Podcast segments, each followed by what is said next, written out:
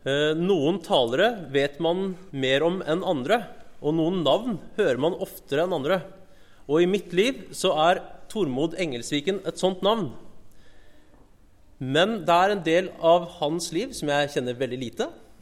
Blant annet eh, kan du fortelle oss litt om familie og opphav. Ja, jeg eh, vokste opp i en kristen familie, misjonssambandsfamilie i Fredrikstad.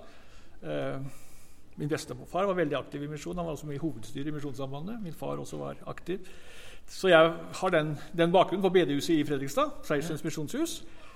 Og der vokste jeg, bodde jeg til jeg var 18 år, og så seinere har jeg stort sett bodd i Oslo. Med unntak av eh, fem år hvor jeg var to år i Etiopia som misjonær og tre år i Amerika som eh, doktorgradsstudent. Ja, for da nærmer vi oss litt av det vi mange av oss kjenner Tormod for. Eh, nemlig hans yrkeskarriere. Og jeg vet jo såpass at du er professor på eh, Menighetsfakultetet. Professor emeritus. emeritus ja. Nå, ja. Eh, I noe som heter misjologi. Og det er ganske lett å tippe hva det handler om. Det handler om misjon. Kan du fortelle oss litt om hva du har drevet med i yrkeskarrieren din, og kanskje med særlig fokus på ting du vil tro at vi i Misjonssalen er opptatt av? Ja, det var det. ja, skal vi se Hvor lang tid har vi? Men eh, nei, jeg har eh, Jeg skrev min doktoravhandling om den karismatiske bevegelsen. Det, og har skrevet noen bøker om Den hellige ånd.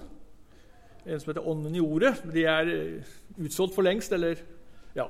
Så de finnes ikke i, handelen, men jeg skrev de ganske tidlig i min eh, skal vi kalle det, karriere. da. og så har jeg vært misjonær i Etiopia og vært opptatt av å forske på Etiopia. Bl.a. skrevet noe om pinsebevegelsen spesielt i Etiopia. Så det er som de, karismatiske og så da det misjonen. Og så har jeg Kanskje det er noe av det mest interessante. Jeg har de siste ja, eller ca. ti år, eller fra ca. 2000 til 2010, Eh, vært, en, eh, vært, i Kina hvert eneste år eh, med studenter, men også som foreleser på seminarer i regi av Undergrunnskirken, for å si det sånn, men ikke helt hemmelig. Og, så jeg har hatt et veldig nært forhold til, til Kina. Mm. Og så har jeg også jobbet en del med de kristnes forhold under kommunisttiden i Øst-Europa i senere år. Så det er sånn, noen av de feltene jeg har arbeidet på. da. Mm. Så hvis dere går på Google eller uh, fysiske bibliotek, så kan dere finne masse han har drevet med gjennom livet. Men nå skal du tale, og gjennom 15 år så har jeg lært det at samme hvor rutinert en taler er, så trenger han Guds hjelp om ordet skal nå hjertet og ikke bare øret. Så derfor har vi lyst til å legge deg i Guds hender. Far, vi takker deg for Tormod. Vi takker deg for at han er ditt barn. Og nå, Herre, ber vi deg lede han med din ånd, sånn at han kan tale ditt ord sant og rett. Og vi ber også for oss at du ved din ånd kan åpne våre hjerter for det du vil si til oss. Amen. Takk skal du ha.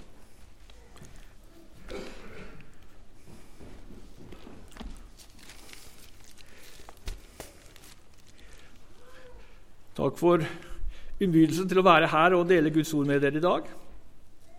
Eh, jeg husker at da jeg begynte å arbeide i Misjonssambandet i sin tid Jeg har vært, som sagt, jeg har vært to år i Etiopia og vært lærer på Fjellhaug i et par år. Så ble jeg spurt av redaktør for Utsyn om jeg kunne skrive noen artikler om endetiden. Og Det endte opp med å bli fire eller fem artikler om endetiden i Utsyn for mange mange år siden. Så jeg er sikker på at ingen av dere har lest de artiklene. Men jeg bare kom til å tenke på det nå. Jeg har ikke vært gått tilbake og sett hva jeg skrev den gang, men jeg tror nok jeg husker stort sett hva jeg skrev. Eh, og interessant at man kan begynne sin, i sin ungdom og skrive om endetiden, og så kan man tenke på endetiden også i sin eh, alderdom. Jeg er nesten 75, så jeg må jo regnes som forholdsvis gammel. Så dette er aktuelle temaer både for unge og, og eldre. Og Teksten vår i dag den finner vi i Lukasevangeliet kapittel 21, eh, fra vers 27.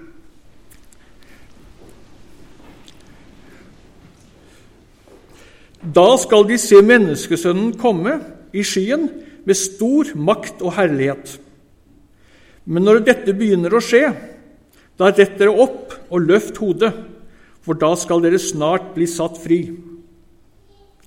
Han fortalte dem en lignelse. Se på fikentreet og alle andre trær. Når dere ser at de springer ut, vet dere, dere selv, vet dere av dere selv at nå er sommeren nær. Slik skal også dere vite, når dere ser dette skje, at Guds rike er nær. Sannelig, jeg sier dere, denne slekten skal ikke forgå før alt dette skjer. Himmel og jord skal forgå, men mine ord skal aldri forgå. Vær på vakt, og la ikke hjertet bli sløvet av rangel og drikk og dagliglivets bekymringer, så den dagen plutselig kommer over dere som en snare. For den dagen skal komme over alle som bor over hele jorden. Våg hver tid og stund og be om å få kraft til å komme velberget fra alt det som skal, skal hende, og bli stående for menneskesønnen. Amen.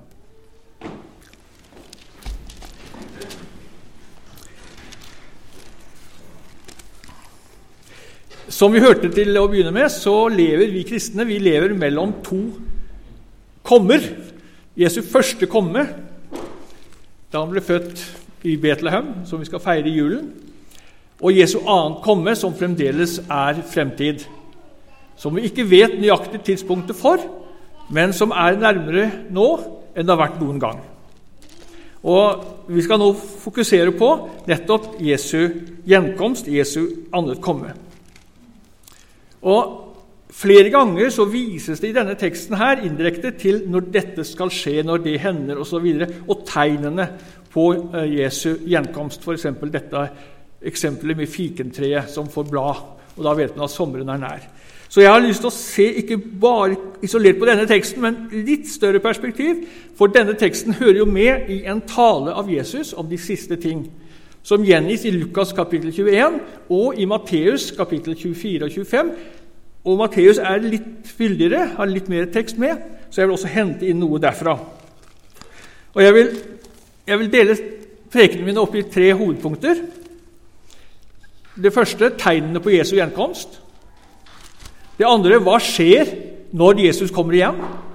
Og det tredje hvordan skal vi leve når vi venter på hans gjenkomst?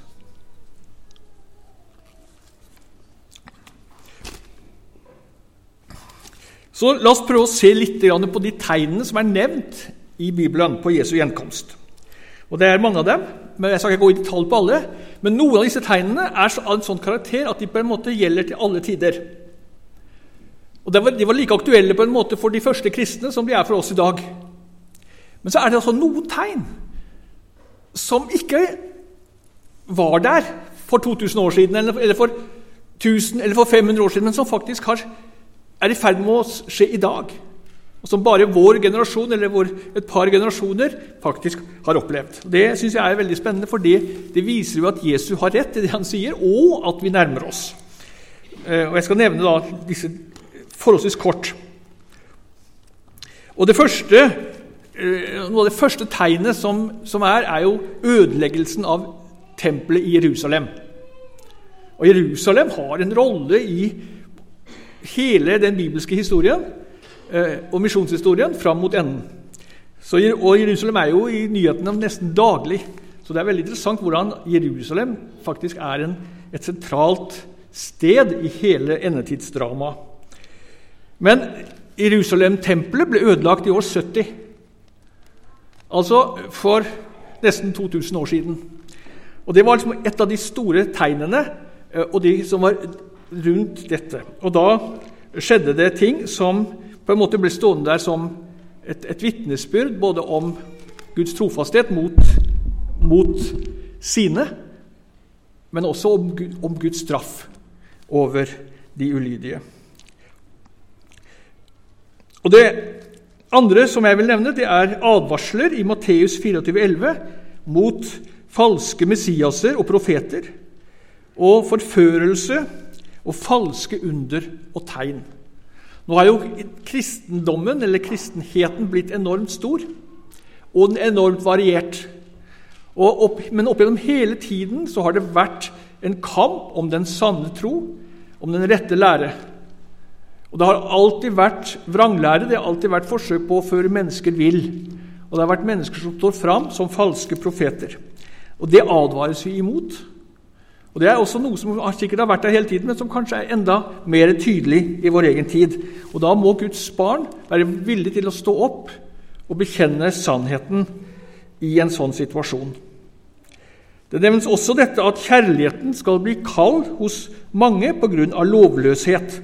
Og Vi kan kanskje tenke oss også dette med den etiske oppløsning som skjer, det spesielt som skjer da kanskje i den vestlige verden, og den, og den store andelen av nominelle kristne som kanskje kaller seg kristne, eller som har en slags kristen identitet, men hvor, hvor det ikke finnes eh, noen kjærlighet til Gud eller noe forhold, personlig forhold til Gud. Vi hører om kriger og opprør. Det har også skjedd i hele historien. Men i dag får vi mer informasjon om det som skjer, enn noen gang før pga. moderne kommunikasjon. Og Vi opplever jo at denne søndagen faller sammen med utdelingen av Nobels fredspris til de som kjemper mot atomvåpen, et våpen som menneskeheten aldri har hatt før. Før det ble funnet opp i forrige århundre og brukt i forrige århundre, i den andre verdenskrig. Og som gjør det mulig å tenke seg at en krig kan utslette eller ødelegge store deler, eller faktisk hele jorden. Så aldri før har krig vært så farlig som i dag. Så hører vi om naturkatastrofer, jordskjelv, hungersnød og pest nevnes. De har vært der alltid, men kanskje de også har tilspisset seg. og Jeg tror det kan være riktig for oss å tenke at faktisk økologi, eller omsorgen om skaperverket, har fått en, en ny dimensjon. fordi vi vet også at vi gjennom vår bruk av skaperverket kan ødelegge det. Vi kan forårsake store katastrofer, og vi ser hvordan klimaet forandrer seg og gjør at det, noen klimakatastrofer er verre noen gang før. Så nevnes det også forfølgelse av kristne. De skal lide, de skal komme i fengsel, de skal hates, og de skal også drepes. Og Så står det faktisk at dette gir anledning til vitnesbyrd. Dere skal vitne.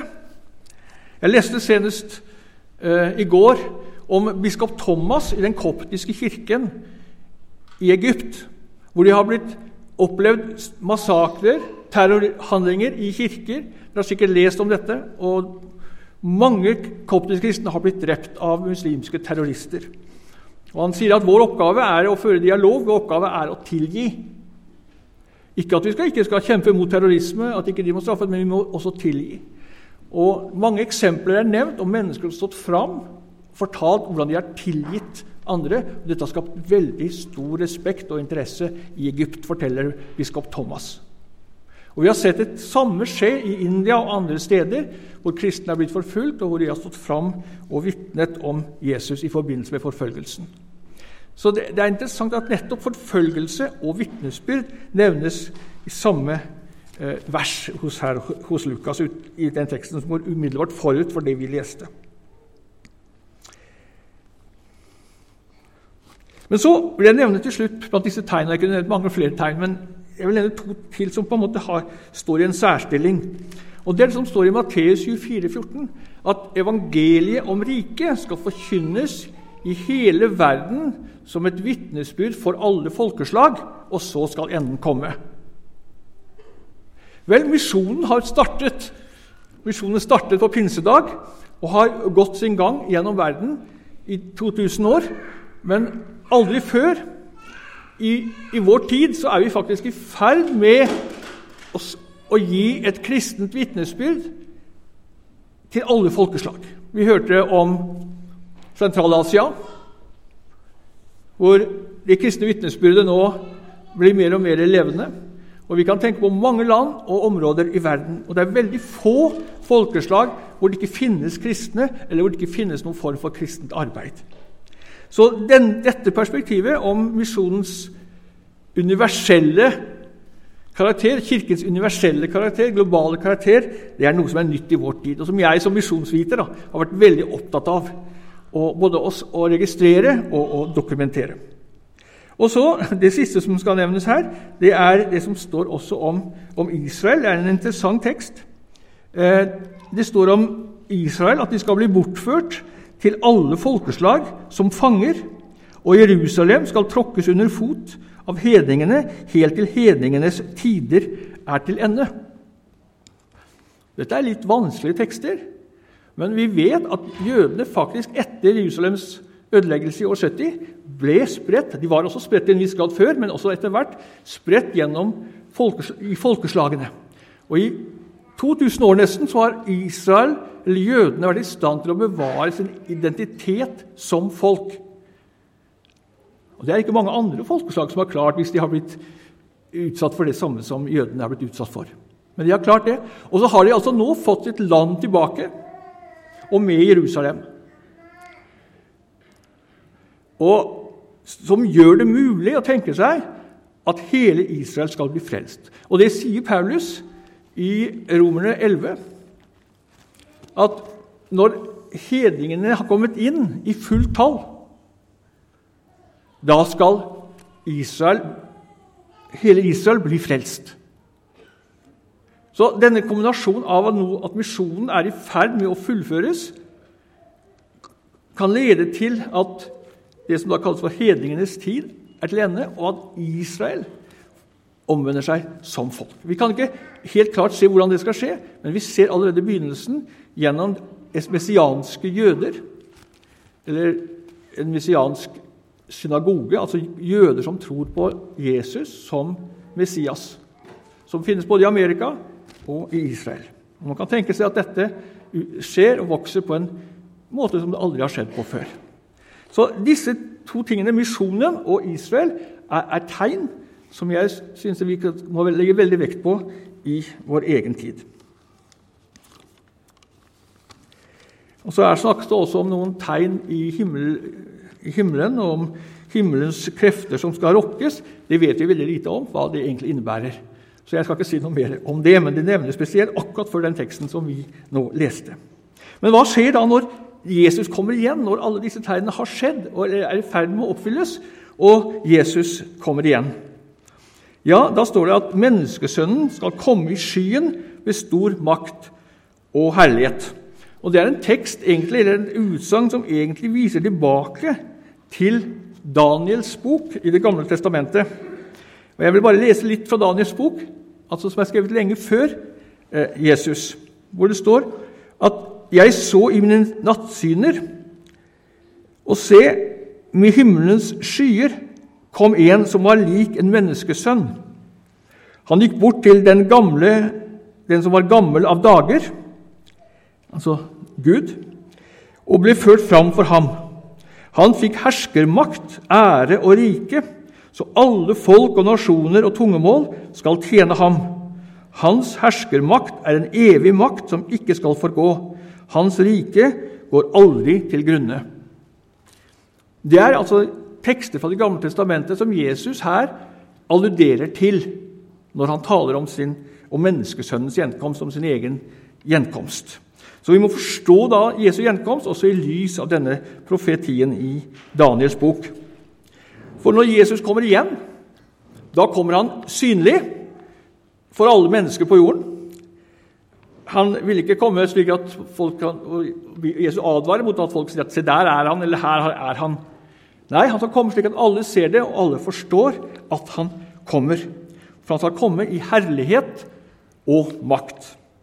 Og han får makt av Gud. Han har fått all makt i himmel og på jord, og han får nå en virkelig makt som blir synlig for alle mennesker, og alle folkeslag skal legges under han. Igjen ser vi misjonsdimensjonen, den universelle dimensjonen. Når Jesus kommer igjen, ja, da vil det gjelde mennesker i hele verden og kristne i hele verden.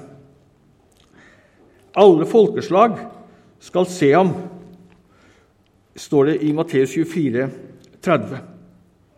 Så til forskjell fra den første, det første kommet, hvor han kom som et barn, ble lagt i en krybbe på et lokalt sted i Betlehem, i et lite land i Israel, så skal han i sitt annet komme komme synlig for alle. Nå må vi være klar over at, sant, at Jesus talte i rammen av den tids verdensbilde. Når man tenkte seg på, på hvordan verden var, eh, om den var rund eller flat, eller hvordan himmelen forholdt seg til jorden osv. Så, videre. så vi må vi på en måte forstå at de ordene som brukes, har en viss metafori, metaforisk klang. Det er, til en viss grad billed, billedtale. Når man kommer på skyen, f.eks., så er nok det en, et bilde på at Jesus kommer ovenifra, men akkurat hvordan det skal skje rent konkret, tror jeg ikke Bibelen uttaler seg så veldig mye om. og Det skal vi ikke spekulere heller så, så mye i. Men det er selve sakensinnholdet som er viktig, viktig for oss. Og så står det da at han skal Hvis vi ser på Matteus, hvis jeg går tilbake til Matteus 24, 31, så, så står det noe interessant der.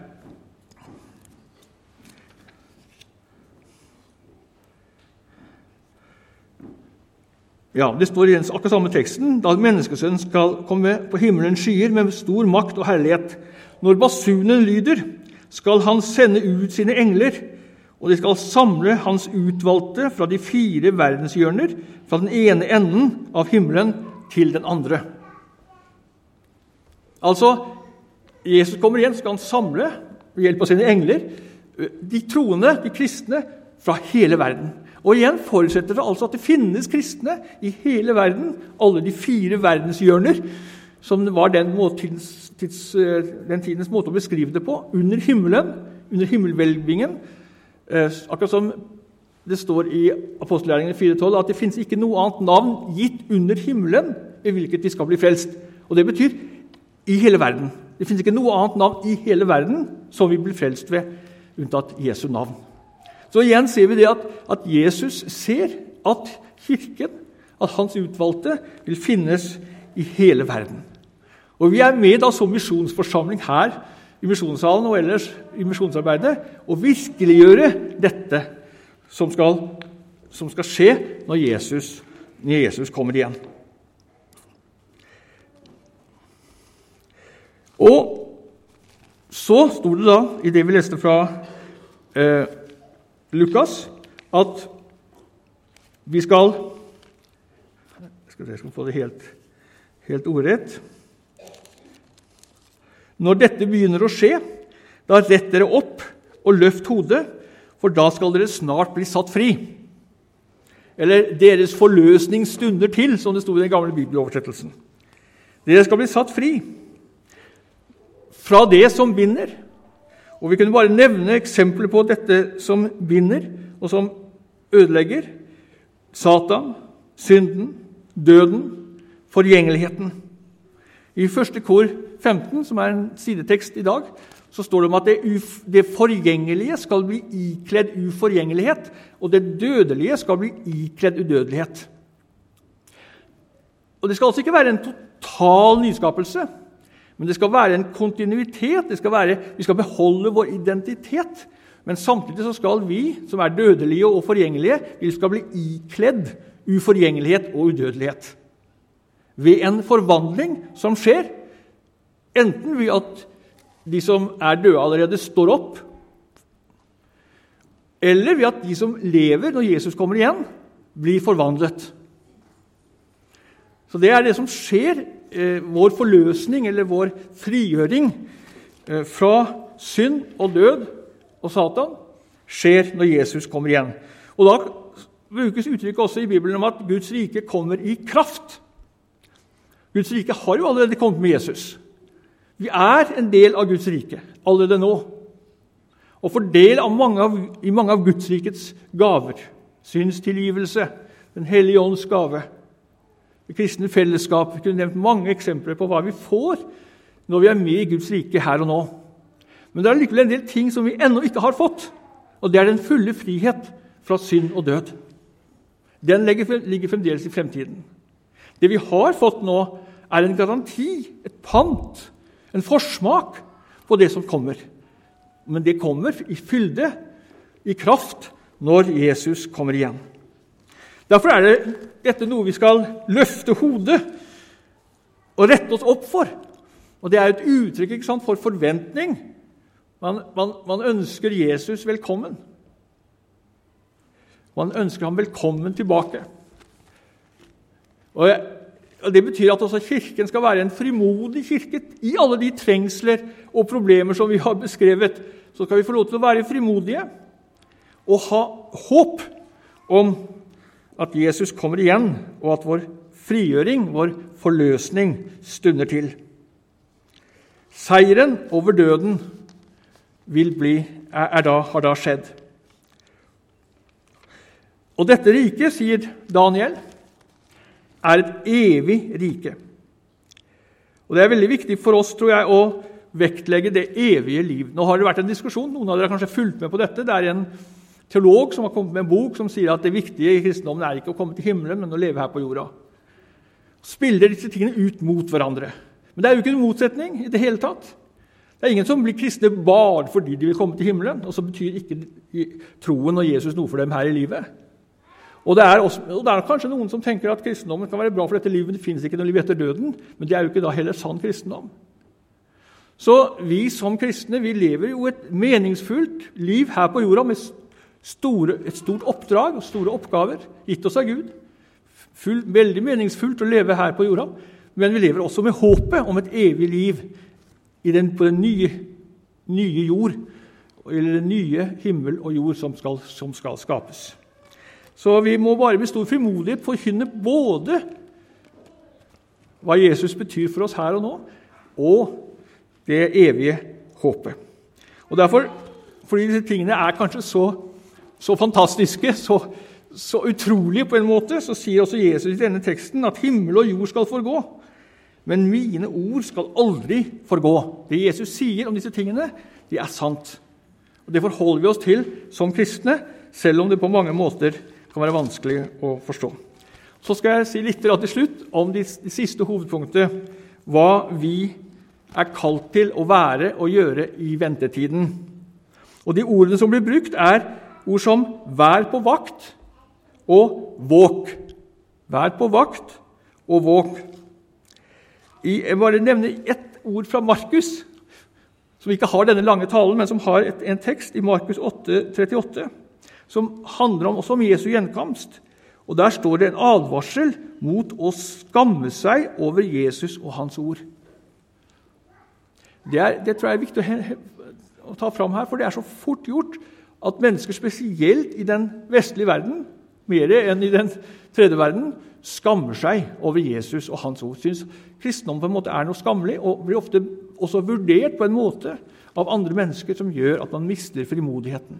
Men vi er kalt til ikke å skamme oss over Jesus og hans ord.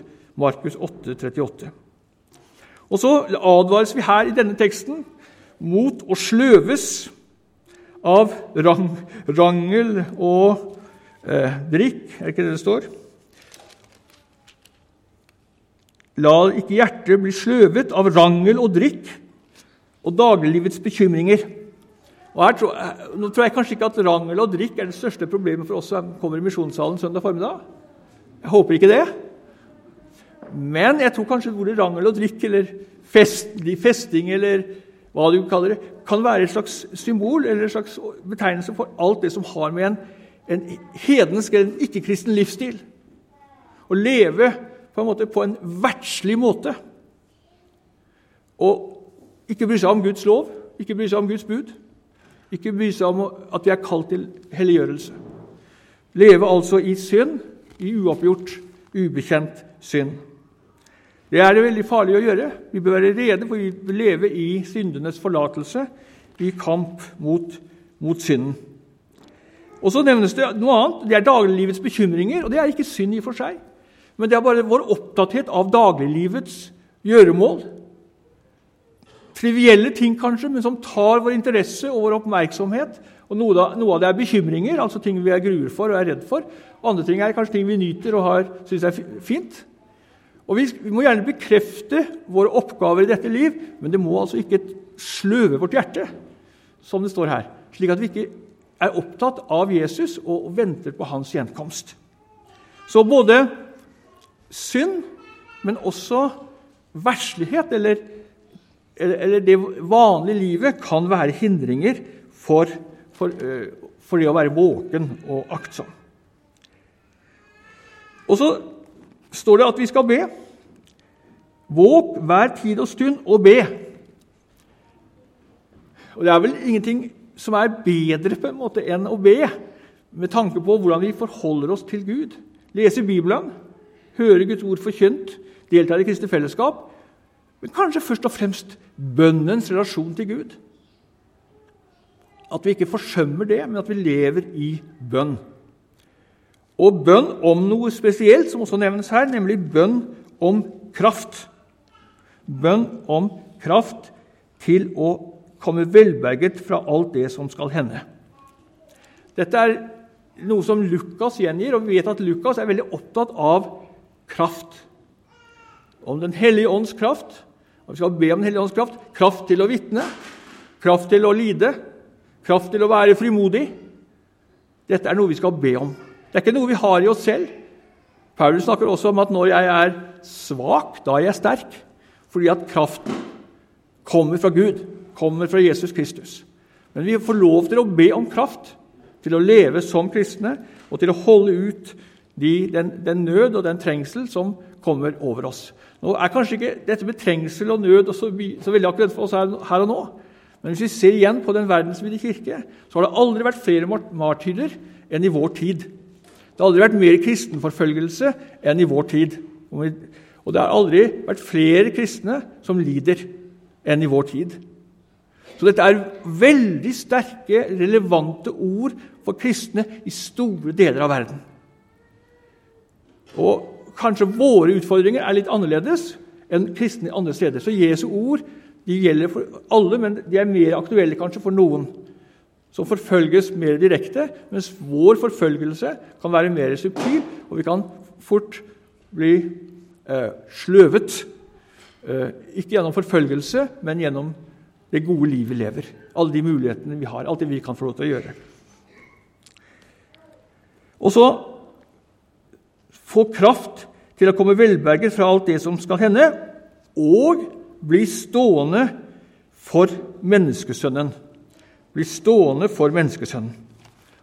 Jeg syns det er et veldig fint uttrykk. Altså, Vi skal løfte hodet, vi skal reise oss opp, og så skal vi ta imot vår frelse, og så skal vi bli stående for ham. For vi er hans barn, eller vi er hans disipler, hans venner. Eh, vi har fått del i Guds rike her og nå, og så skal vi få del i det rike han bringer. Vi skal bli stående for ham som hans folk. Og vi får lov til da å bekjenne ham. Alle skal bekjenne at Jesus er Herre, til Guds ære. Så vi får lov til å bekjenne at Han som kommer i makt og herlighet, han er vår Herre, han er vår frelser. Og så skal han frelse oss, han skal frigjøre oss, han skal føre oss inn i sitt evige rike. Så jeg håper at, jeg håper at vi gleder oss til jul, og til alt det hyggelige og fine som er forbundet med julen. Men jeg håper også at vi klarer å ha et perspektiv som går utover denne julen, fram til Jesu gjenkomst. Og at vi lever antageligvis ja, vi lever i endetiden, men denne tiden kan bli kort. Kanskje er vi ikke helt der ennå, men det er kanskje ikke heller lenge igjen. Og vi skal være oppmerksom på, Jeg liker aldri når folk sier at én ting er sikkert, vi skal alle dø. Nei, det er ikke sikkert. Det kan være at noen av oss faktisk lever når Jesus kommer igjen. Paulus trodde faktisk at noen ville være, at han samtidig ville være levende når Jesus kom igjen. Det skjedde jo ikke, men det kan skje i vår generasjon, det kan skje i vår barns generasjon. Så la oss leve i den forventning. Enten vi lever eller dør, så hører vi Herren til og venter på Hans komme. Amen.